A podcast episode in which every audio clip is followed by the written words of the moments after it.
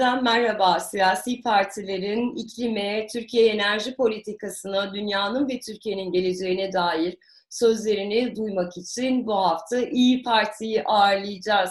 İyi Parti Genel İdare Kurulu üyesi, aynı zamanda çevre politikalarından sorumlu Arzu Örşen bizimle olacak. Arzu Hanım merhaba yayınımıza hoş geldiniz. Merhabalar Müjgan Hanımcığım. Çok teşekkür ediyorum yayınınıza davet ettiğiniz için ama bir düzeltme yapacağım başlarken. Lütfen. Çevre ve doğa politikalarından sorumlu. Evet. Çünkü e, İyi Parti bu konuda çok hassas gerçekten. E, kurulduğu an itibarıyla parti programında çevre, doğa politikaları ve iklim politikaları olan tek siyasi partiyiz. Evet çok güzel. Böylece e, bu eksiklik benim yanlış e, anonsumdan İyi Parti'nin de aslında e, bu konudaki yaklaşımını da özetleme fırsatı bulduk. İsterseniz evet. şimdi e, sorularımıza geçelim. E, Arzu Hanım, dünyada aslında çok güçlü bir tartışma var. Evimiz yanıyor, çığlıkları yükseliyor. Konda'nın 2019'da Türkiye'de yaptığı ankette de Türkiye'de 10 insandan 6'sı Türkiye iklimin dünyada bir iklim sorunu olduğunu düşünüyor. Sizce bir iklim krizi var mı? Yani yaşıyor muyuz? Partinizin bu konudaki tutumu nedir? Şimdi şöyle, bir iklim krizi yaşıyoruz gerçekten.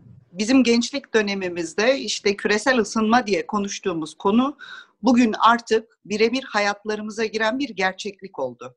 Yani dünyadaki o bir santigratlık sıcaklık artışı kasırgalara, orman yangınlarına, aşırı yağışlara, sel felaketlerine, sıcak hava dalgalarına hatta bugün yaşadığımız bu korona salgınının önlenemez vaziyette artmasına sebep olan çok çok ciddi bir krize dönüştü.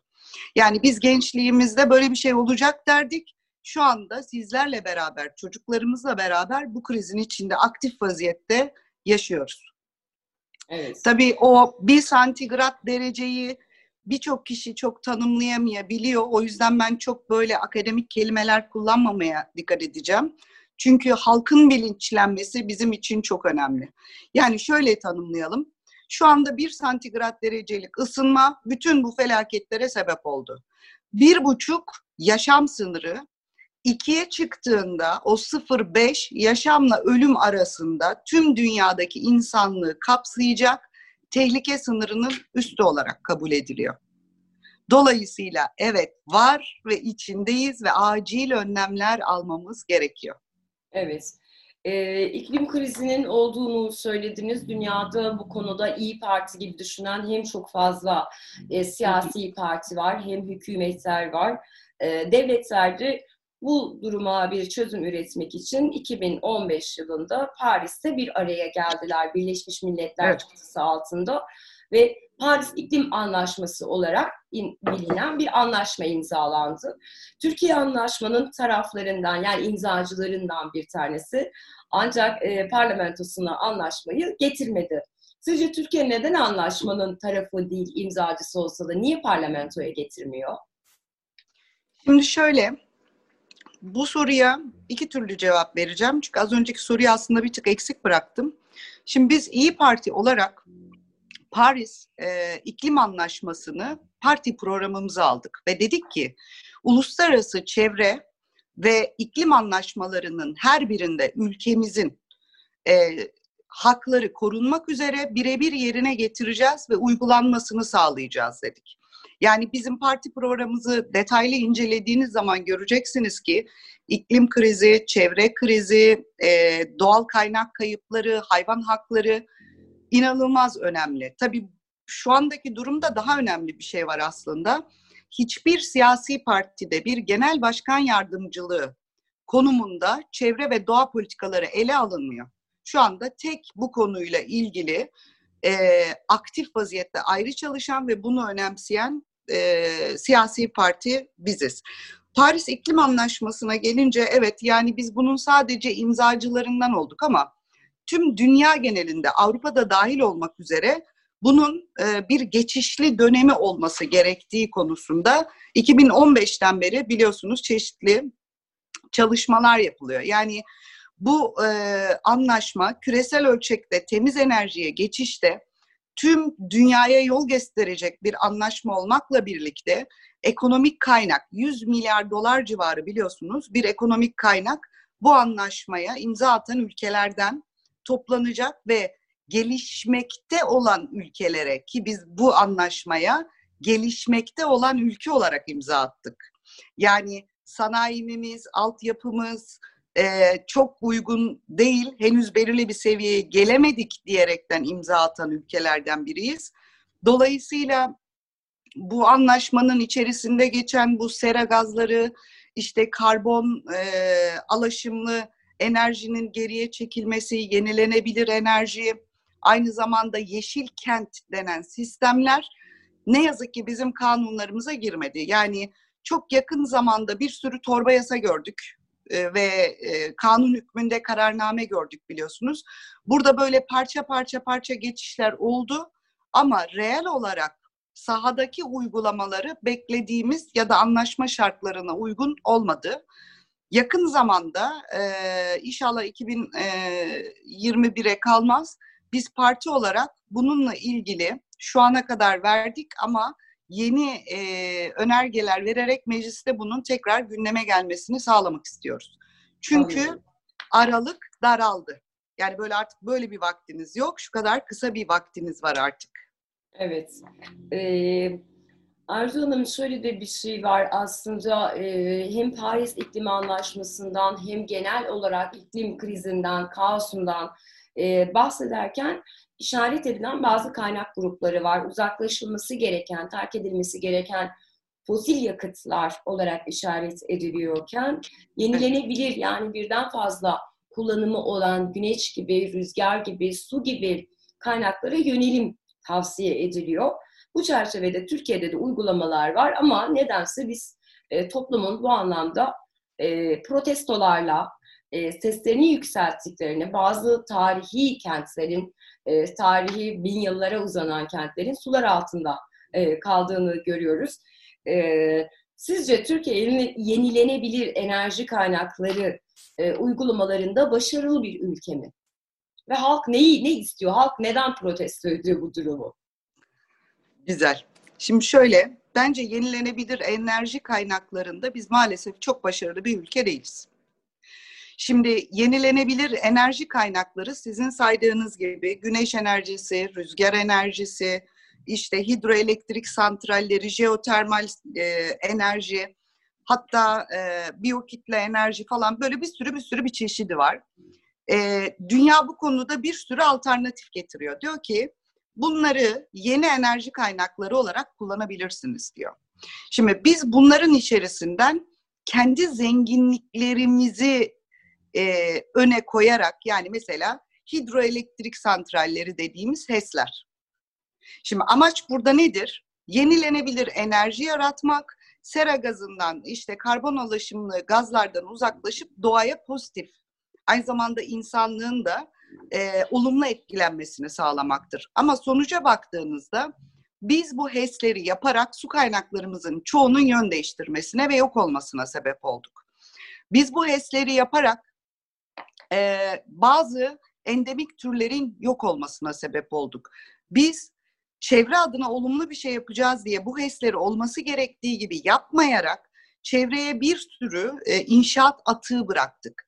Ve baktığınızda bizim ülkemiz tarım ülkesidir. Yani bugün artık tarımı dışarıdan ithal ediyor bile olsak topraklarımız çok verimlidir.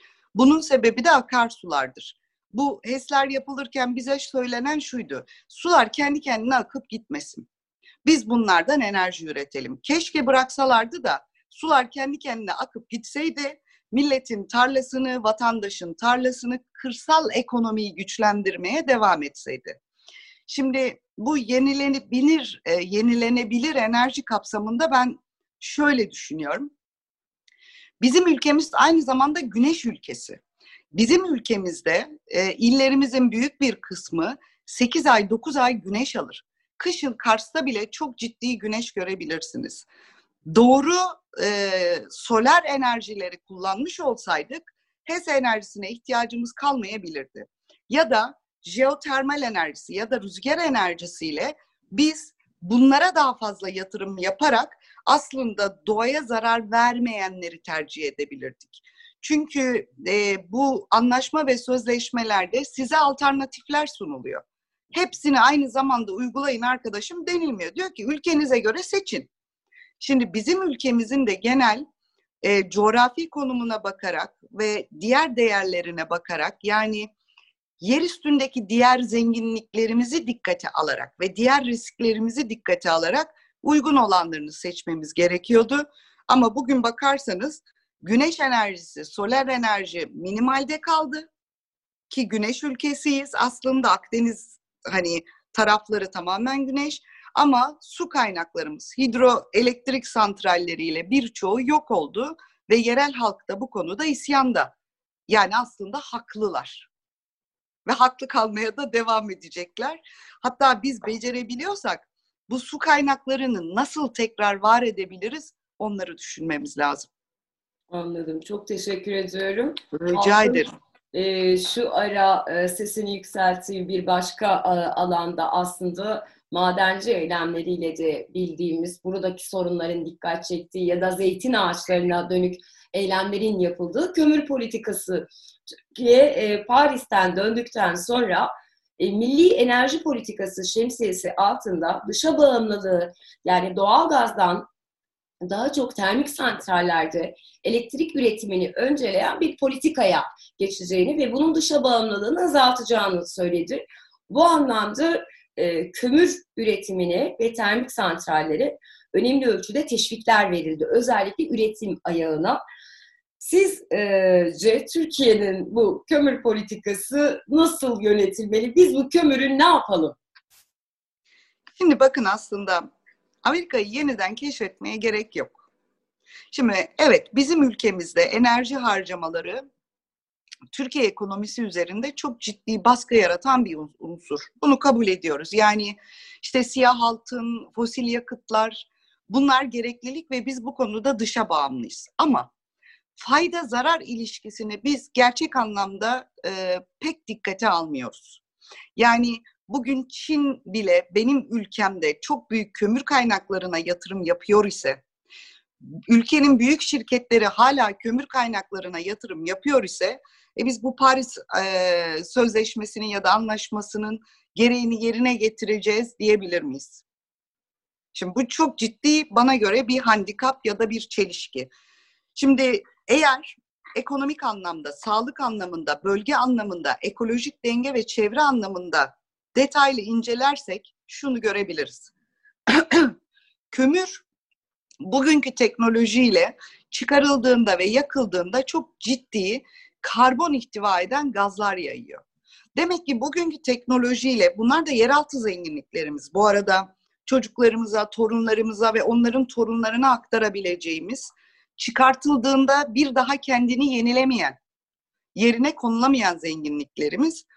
Ee, bunları belirli bir dengede tutup Polonya örneği de var biliyorsunuz Avrupa'da. Polonya'nın da yüzde 98 geliri kömür madenciliğinden. Orada da böyle ciddi bir çatışma var ama orada da şöyle bir şey öneriliyor ki ben de kendi ülkem için onu istiyorum.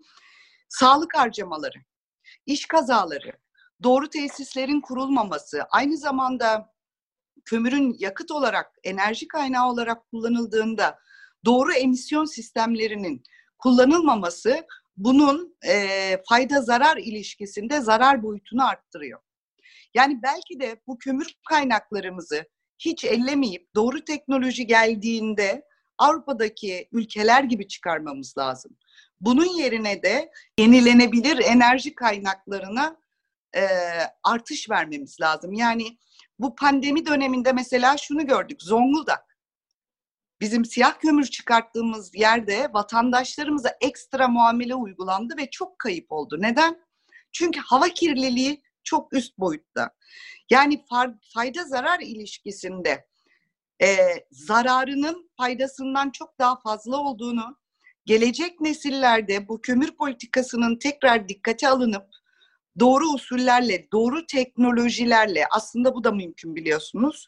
Şimdi ben mesela desem ki kömür çıkartılmalı, yerel halka çok ciddi destek teknoloji, doğru teknolojiyle demediğim anda bu çok yanlış yere gidebilir. Doğru teknolojiyle çıkarılması ve zaman içerisinde bunun değer olarak azaltılıp diğerlerinin arttırılması gerektiğini düşünüyorum. Anladım. Çünkü bu geri dönüşümsüz. Yani zararı verdiğinizde artık geri dönemiyorsunuz. Ama daha yüksek teknoloji geliştirdiğimizde bu kömürü çıkarıp daha az zararla enerji olarak her zaman kullanabiliriz. Anladım. Tabii bu arada bir de bu pandeminin yarattığı dünya ekonomisinin sıkıntıları da var. Yani onu da ayrı tutayım, ayrı bir yerde konuşuruz bu madenler evet. konusunda. Ee, Ama şunu da belirteyim e, hanımefendiciğim, bu sadece kömürle ilgili de değil. Bakın Patsa'da, Ordu Fatsa'da çok ciddi, hatta şimdi Tokat Erbaa'da, hatta Ordu Ünye'de, hatta Kaz Dağları'nda siyanürle altın arama var. Evet.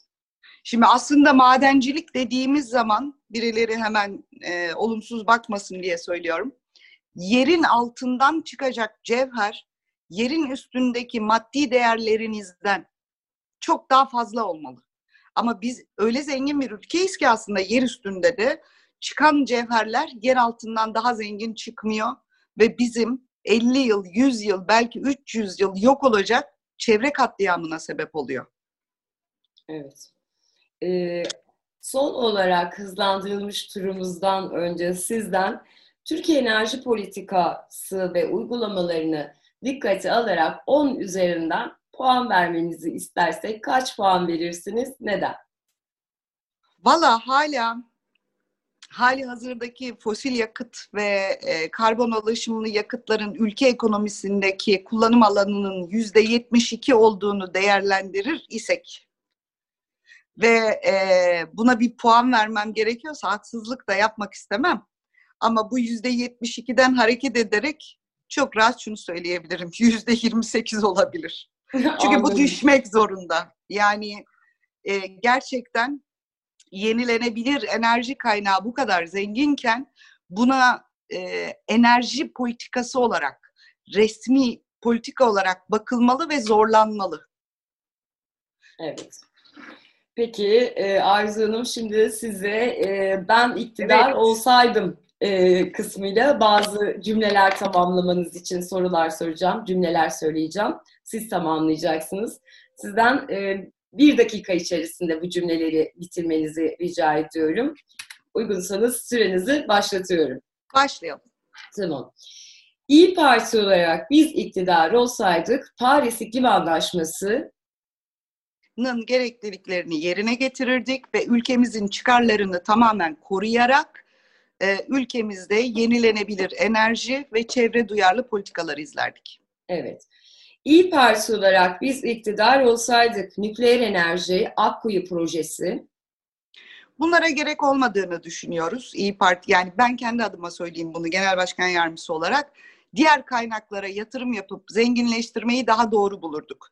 Bir de tabii bu e, kurulan nükleer santrallerin yerini de en baştan doğru seçerdik. Evet. Biz iktidar olsaydık doğal gaz rezervleri ve politikası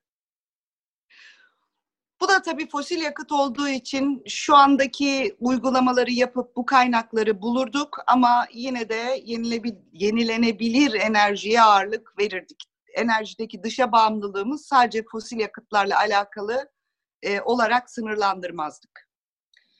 İyi Parti olarak iktidar olursak HES'ler Hepsini elden geçireceğiz ve olması gereken şekilde yapacağız. Az önce de söylediğim gibi su kaynaklarımız çok önemli.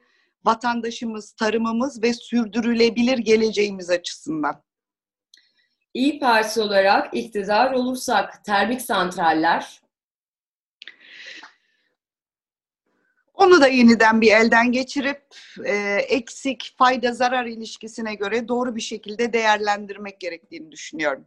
Anladım. Çok teşekkür ediyorum Arzu Hanım. Ee, hem hızlandırılmıştır hem de e, diğer beş sorumuza açıklıkla yanıt verdiğiniz için. Şöyle Müjgan Hanımcığım, tekrar gözden geçirirdik kelimesini de aslında bir tık açıklayayım. Ee, bilim kuruluyla, uzmanlarla, istişare kuruluyla, dünyadaki teknolojik altyapıyla bir sürü şeyin elden geçirilmesi gerektiğini zaten herkes kabul ediyor. O elden geçirirdik kısmının parantez içi açıklaması da o. Tamam, teşekkür ediyorum. Hem Rica zaman ediyorum. ayırdığınız için hem de e, sorularımıza açıklıkla yanıt verdiğiniz için. Eşitsiz Denklem'in bu bölümünde İyi Parti'yi ağırladık. Onlarla Türkiye enerji politikasını, dünyadaki yangını, Türkiye'nin bu yangına nasıl müdahale etmesi gerektiğini, geleceğe dönük nasıl bir projeksiyona sahip olmamız gerektiğini ele almaya çalıştık. Bizi izlediğiniz için teşekkür ederiz. Hoşçakalın.